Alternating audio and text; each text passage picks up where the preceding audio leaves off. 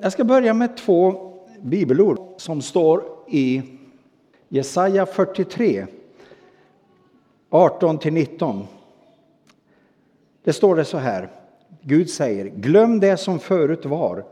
Tänk inte på det förgångna. Nu gör jag något nytt. Det spirar redan, märker ni det inte? Jag gör en väg genom öknen, stigar i ödemarken. Och sedan i Uppenbarelseboken 21 och 5 så står det han som satt på tronen sa Se, jag gör allting nytt. Skriv, ty dessa ord är trovärdiga och sanna. Jag gör allting nytt. Det där är ju ett uttryck som innehåller så ofantligt mycket hopp. Ofantligt mycket förväntan. Det talar om någonting positivt, någonting nytt, någonting som ska komma. En underbar förändring. Men ibland när jag läser det här så läser jag nästan in någonting annat i det. Detta med förändringar och nyhet i olika sammanhang. Det är någonting som inte alltid slår an en positiv ton hos oss utan slår in en liten oro och en liten rädsla. Eh, vi är vana med hur det har varit. Jag skämtade lite med Sofie här innan mötet, för vi satt här och pratade lite innan gudstjänsten. Så sa hon, nu sitter vi här. Ja, men, så, men jag brukar sitta där, sa jag, när jag predikar. Ja, men det är nytt nu, sa hon. Och redan då fick jag förstå, oj då, nu är det återigen, nu får man liksom brottas med det här nya. Och ni vet hur det är, det här med förändringar. Eh, jag känner ju inte till alla er, men jag känner en hel del av er och jag vet ju att ni sitter ungefär där ni brukar sitta. Det har blivit liksom en vana att ni söker er upp er bänk och liksom er plats. Och om någon skulle ha satt sig där som inte borde sitta där så kanske ni blänger lite på personen i fråga och tycker det är inte dags att du flyttar dig? Det här är ju faktiskt mitt inrutade område. Det där med vana är ju någonting som är väldigt, väldigt vanligt för oss. Ehm, vi känner oss trygga och det, rutiner är ju inte något negativt.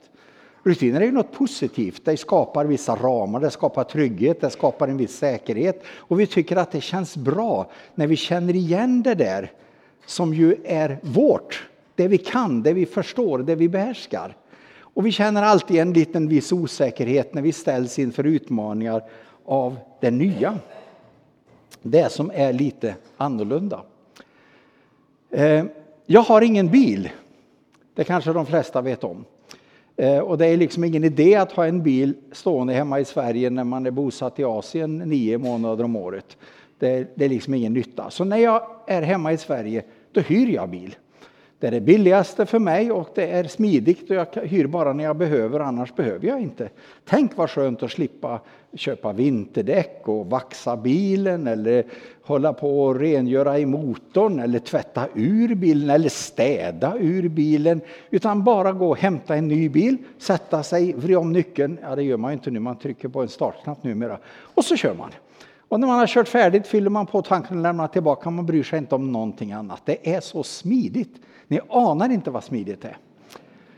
Men eh, jag, och jag har hyrt väldigt många bilar. Väldigt många olika märken. Eh, och en del ganska avancerade märken. Jag har hyrt Lexus, jag har hyrt Jaguar. Bara det. Nu i helgen lämnar jag tillbaka en Jeep.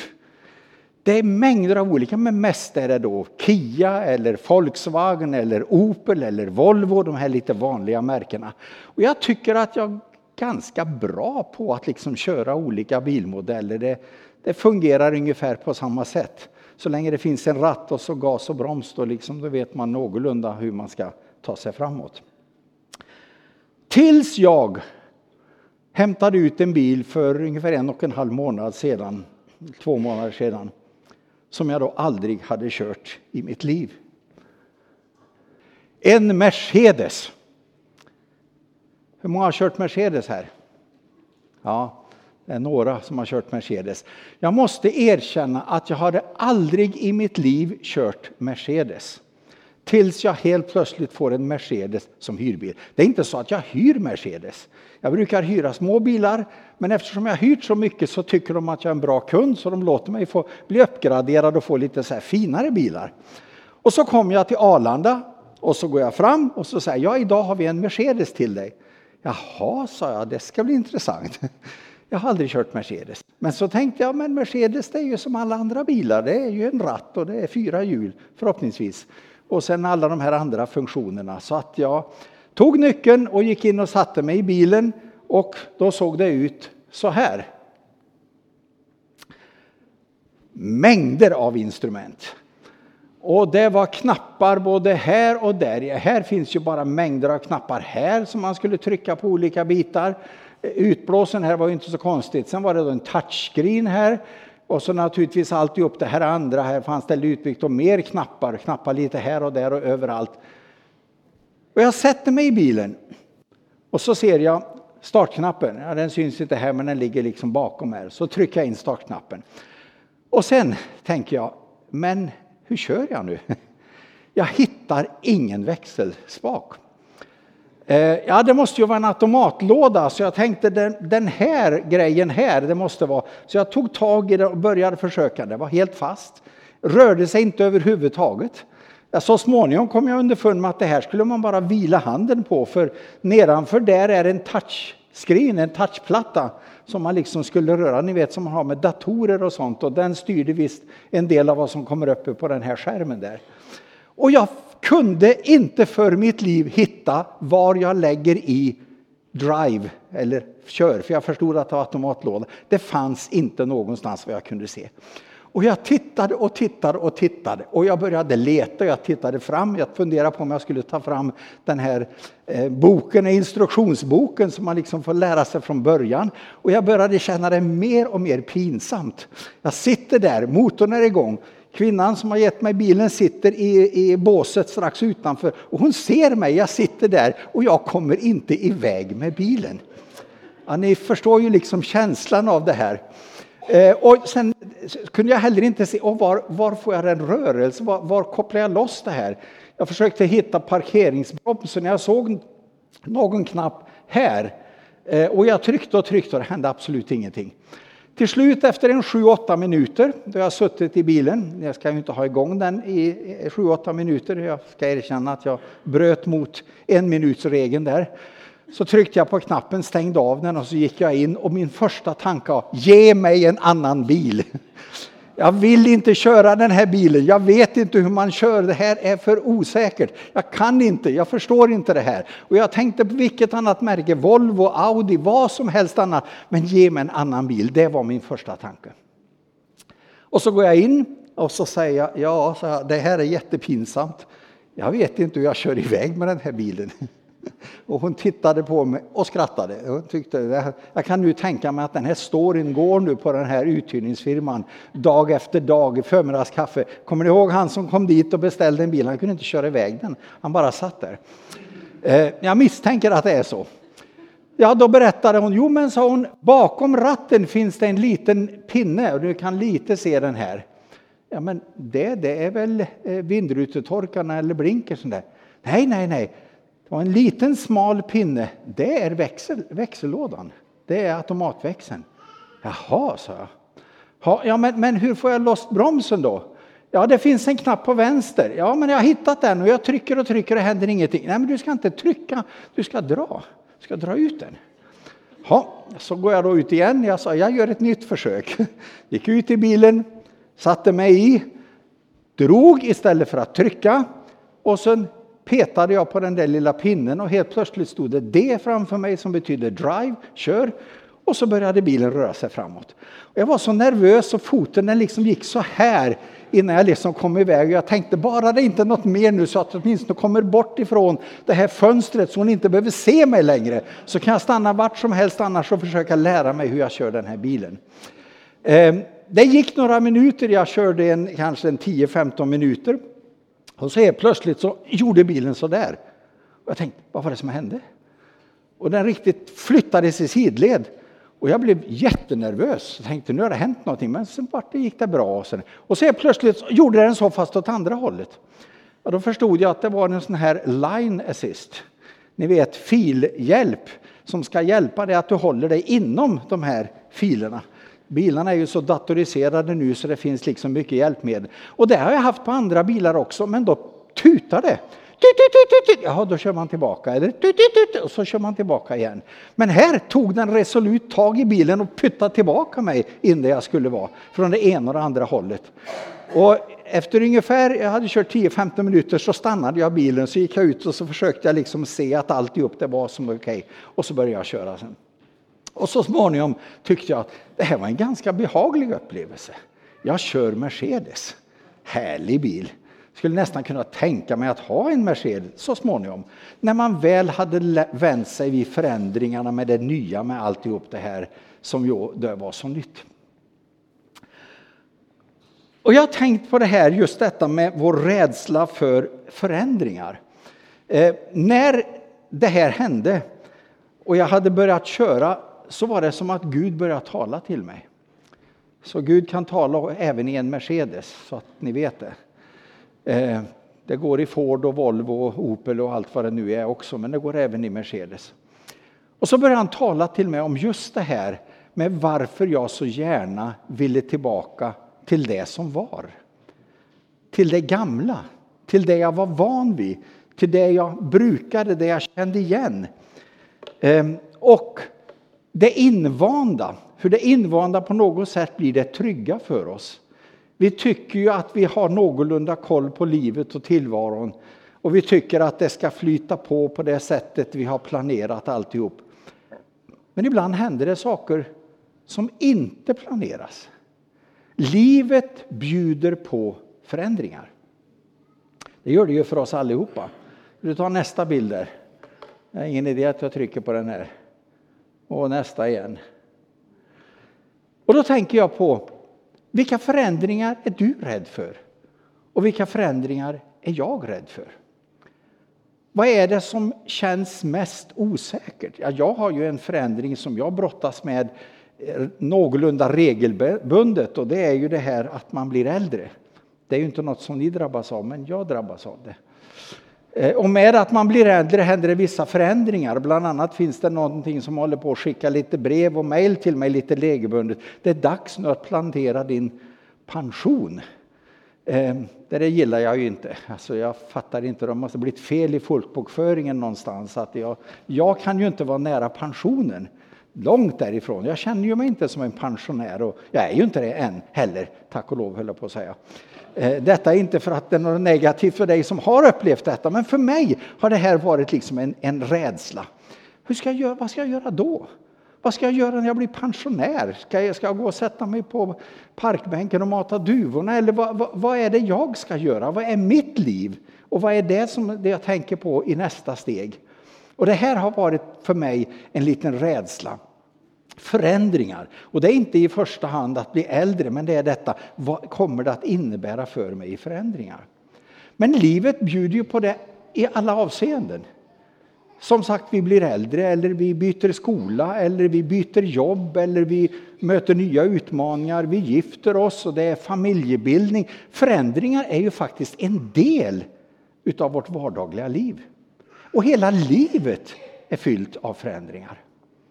Så på något sätt ska vi ju ändå känna att det finns en förberedelse och en beredskap för detta med förändringar som faktiskt hjälper oss vidare. Jag kan ta nästa, nästa bild. Eh, när jag eh, arbetade på Ibra för en tid sedan. Här börjar alltihop om igen. Spännande. Ska vi se. Vill du jag ska testa det här igen? Nej. Har det låst sig? Ja. ja. När, jag, när jag började på Ibra för en hel del år sedan och jobbat som ansvarig för Ibra i Sverige i nästan sju år så hade jag under flera månaders tid gått och brottats med en känsla för Asien. Men jag hade inte delat den känslan med någon.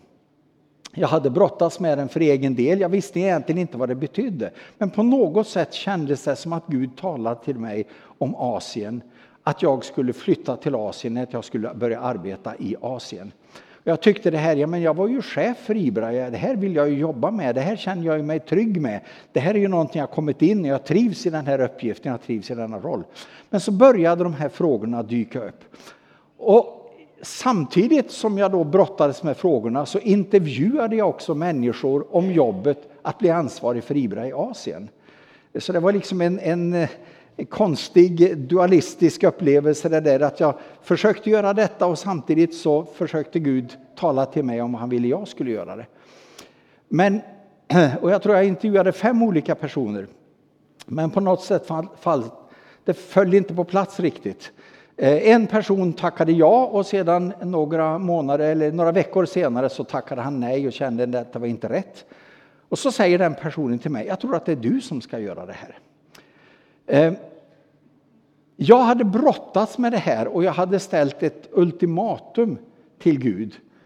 Att jag måste få visshet, annars kan jag inte gå in i en uppgift.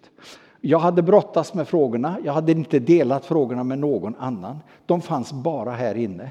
Men de var detaljerade, de var beskriven på det sättet så jag visste precis vad jag kände för att göra. Men jag visste inte om det var Gud som ville att jag skulle göra det här. Så åker jag iväg på en konferens. Och när jag åker på den konferensen så ber jag till Gud och säger denna veckan, innan veckan är över, vill jag ha ett besked. Då vill jag veta vad du har tänkt om mig. Då vill jag att någon utifrån kommer till mig eller en upplevelse kommer till mig på ett sådant starkt sätt så det går inte att tvivla. Utan jag måste förstå att det här är du Gud och ingen annan. Ehm, jag åker på en konferens. Jag tänker att kanske under konferensen ska någonting hända men det hände ju inte någonting där. Ja, det hände väl många bra saker men inte någonting som på något sätt berörde mig. På eh, lördag morgon så åker jag därifrån till en annan stad i Asien, i ett annat land. Eh, därför att jag hade ett möte med en, en pastor i den staden. Jag hade kört igenom den, eller åkt igenom den staden eh, en, två eller tre år tidigare, två år tidigare på semester. Men jag kände egentligen inte en enda människa i den här staden. Och tänkte jag också, ingen människa känner ju mig heller. En stor stad, flera miljoner invånare. Och så tänker jag, ja men jag ska ju möta den här pastorn. Vi ska prata om lite andra saker. Jag förväntade mig att Gud skulle använda honom som ett redskap. Det är ju jättehärligt när Gud använder pastorer. Va? Det skulle han behöva göra ännu mer. Sådana som mig och kanske sådana som dig också. Och jag förväntade mig, här finns en människa, han vet inte vad jag brottas med, han vet inte vilka frågor jag har på. Kanske han kan ge mig den där hälsningen som gör att jag vet att det är den här riktningen jag ska gå. Så jag sitter där, jag har ett, ett jättebra samtal med honom på en och en halv timme. Men jag åker därifrån fruktansvärt besviken. Därför att jag hade inte fått ett personligt tilltal. Jag hade inte fått något som bekräftade, jag hade inte fått något som visade vägen. Och jag är så upptagen och så besviken när jag åker därifrån. Och då åker jag i den här, i den här eh, staden finns det en massa med såna här lokaltåg som går förarlösa eh, var fjärde minut fram och tillbaka åt olika ställen. Eh, och det är ju jättesmidigt, hoppas man, så länge elektroniken fungerar och det, det gör den ju mestadels. Så jag åker på ett sånt här tåg till mitt hotell för att då eh, gå igenom det efter samtalet och skriva ner lite anteckningar och så vidare. Och när jag kliver av på stationen för att åka med eh, rulltrappan upp och sedan upp till en markplan och sedan över till mitt hotell som låg ett par kvarter bort. Precis när jag kliver ur tåget så är det någon som bakom mig ropar Hello brother Olofsson, what are you doing here? Hej broder Olofsson, vad gör du här? Och jag blev alldeles så här kall. Jag tänkte, ingen känner mig här. Vem ropar på mig och kallar mig på mitt namn?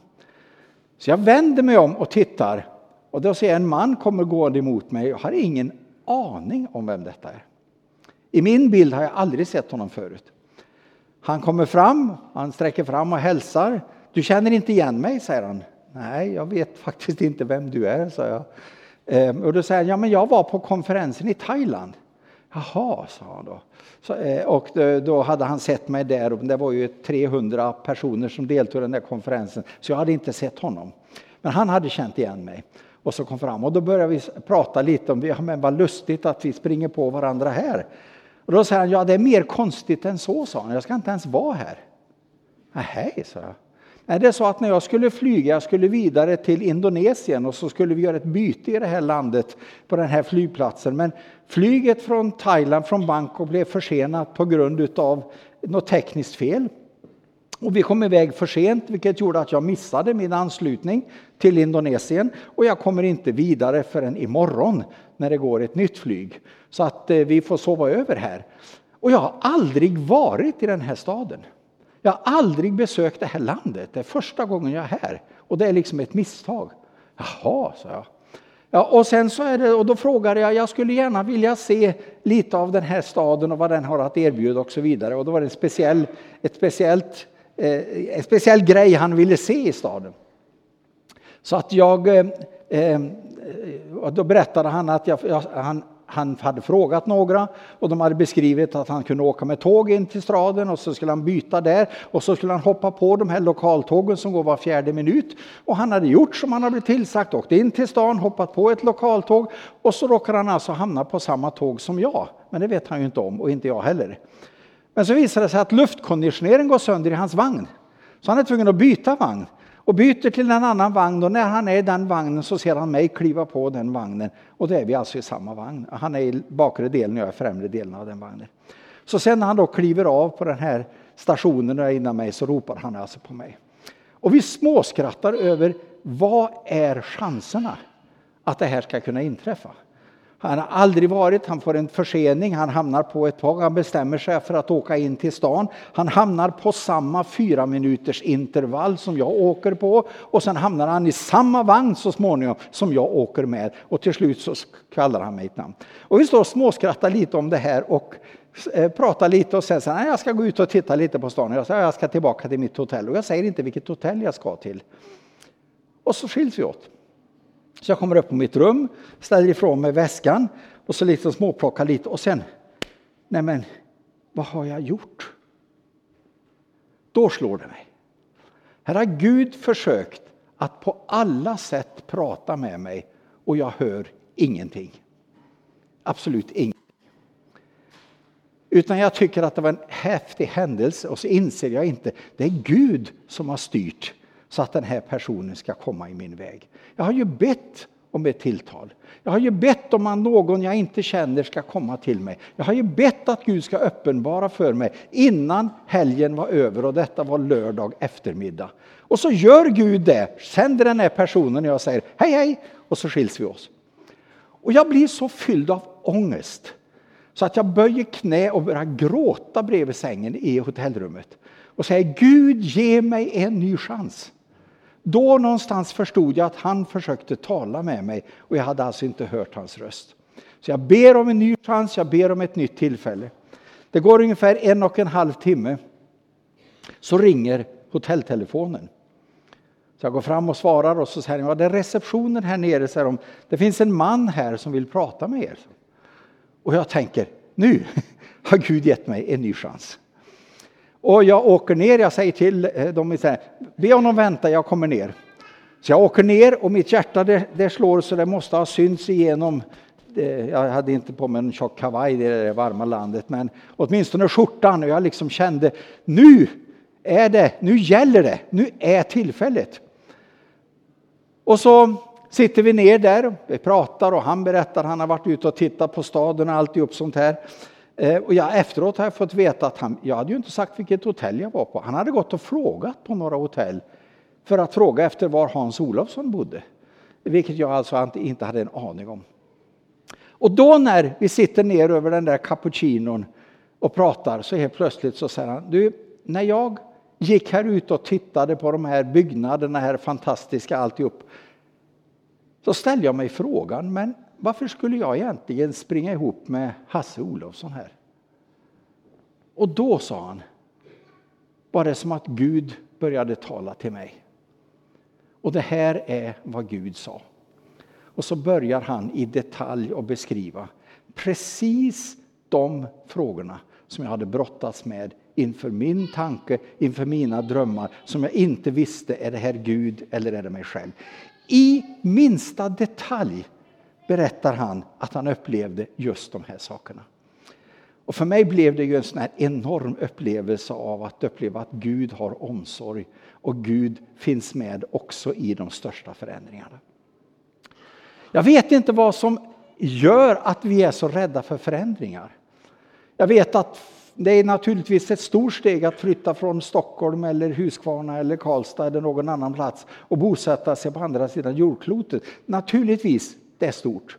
Men just förändringarna som sådana skrämmer oss väldigt ofta. Jesus säger i Lukas 5 från vers 36 så här. Lukas 5 och från vers 36. Jesus gav dem en liknelse. Ingen river ut en bit, en bit ur ett nytt plagg och sätter den på ett gammalt. För dels rivs då det nya sönder och dels passar inte lappen från det nya på det gamla. Ingen häller nytt vin i gamla vinsäckar, för då sprängs säckarna av det nya vinet och vinet rinner ut och säckarna blir förstörda. Nej, nytt vin skall hällas i nya säckar. Och så kommer det. Ingen som har druckit gammalt vin vill ha av det nya. För han tycker det gamla är bättre. Känner du igen det? Han tycker det gamla är bättre. Det är Jesu ord där han talar om förändringar.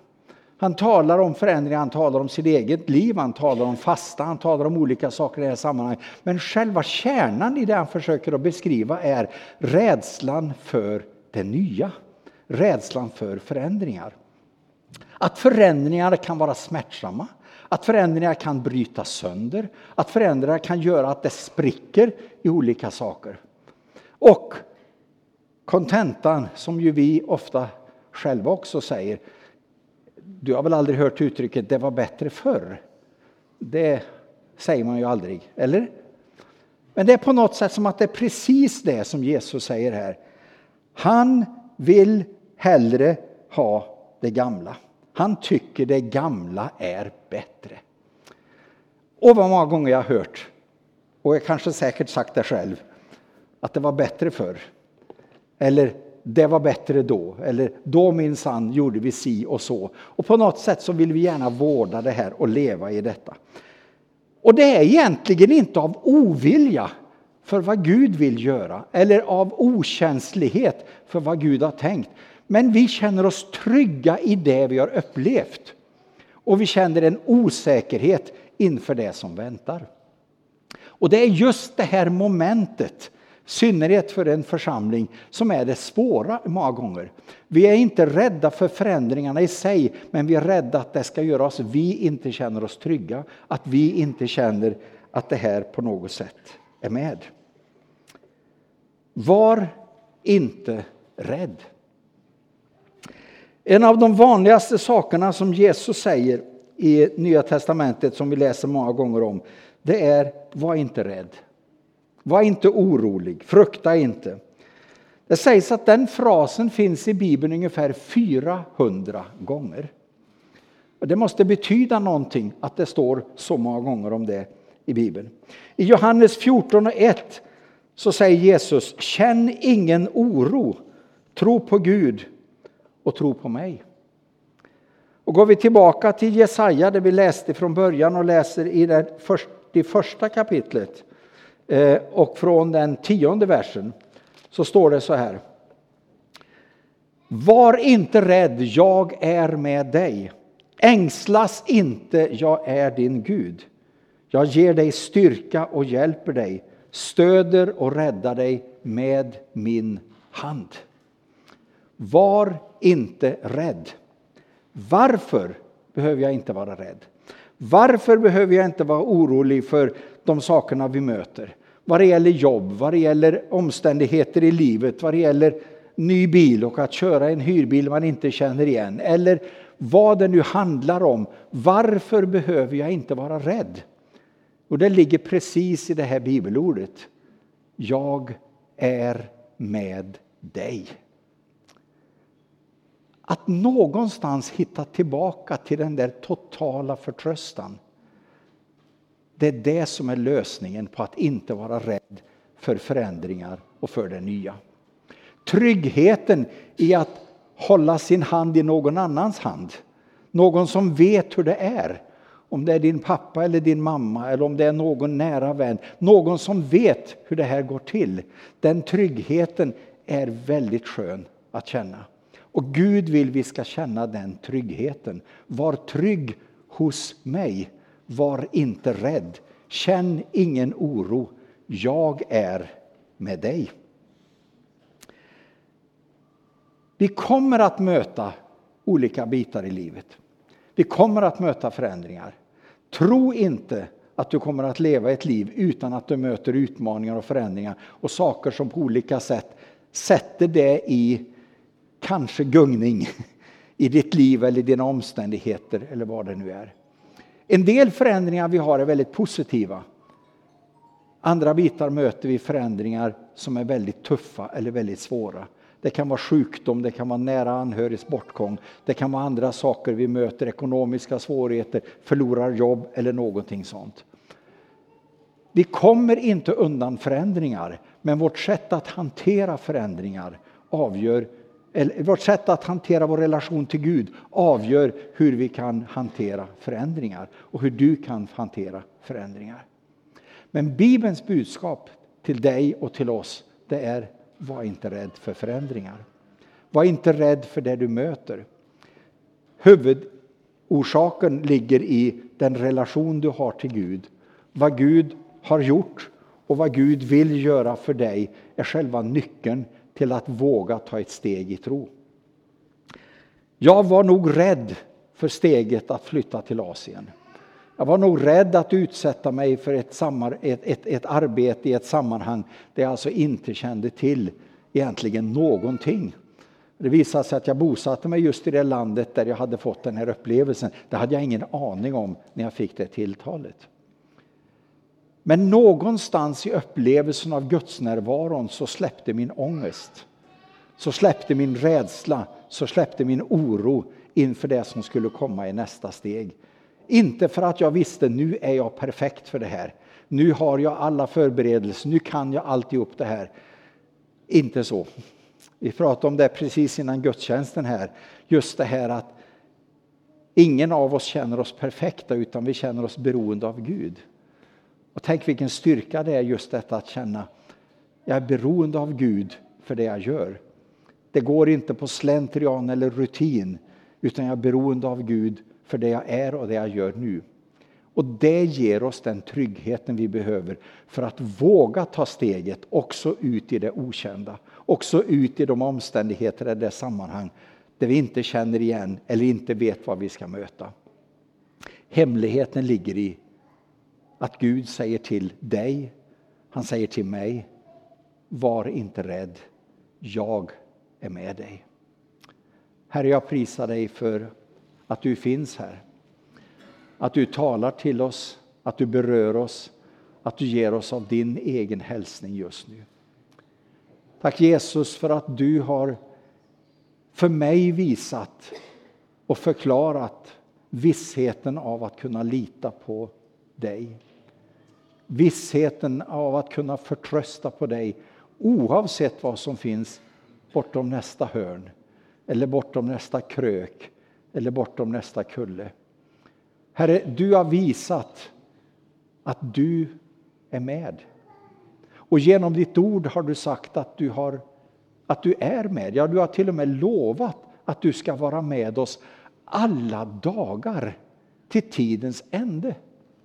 Du har gett oss all försäkran vi behöver för att våga ta steget i det okända. För att våga möta förändringar, för att våga möta det som är nytt och ändå kunna känna tacksamhet och förtröstan. Därför att du har sagt att du ska vara med oss, att du ska leda oss, Herre. Tack att vi får förlita oss på dig just nu. Oavsett vad vi möter imorgon, oavsett vad som ligger framför i våra liv kan vi ändå gå till dig i förtröstan och i en trygghet och en visshet om att du är med. Ditt ord säger att till och med om vi skulle gå genom den mörkaste dal det man kallar för dödsskuggans dal.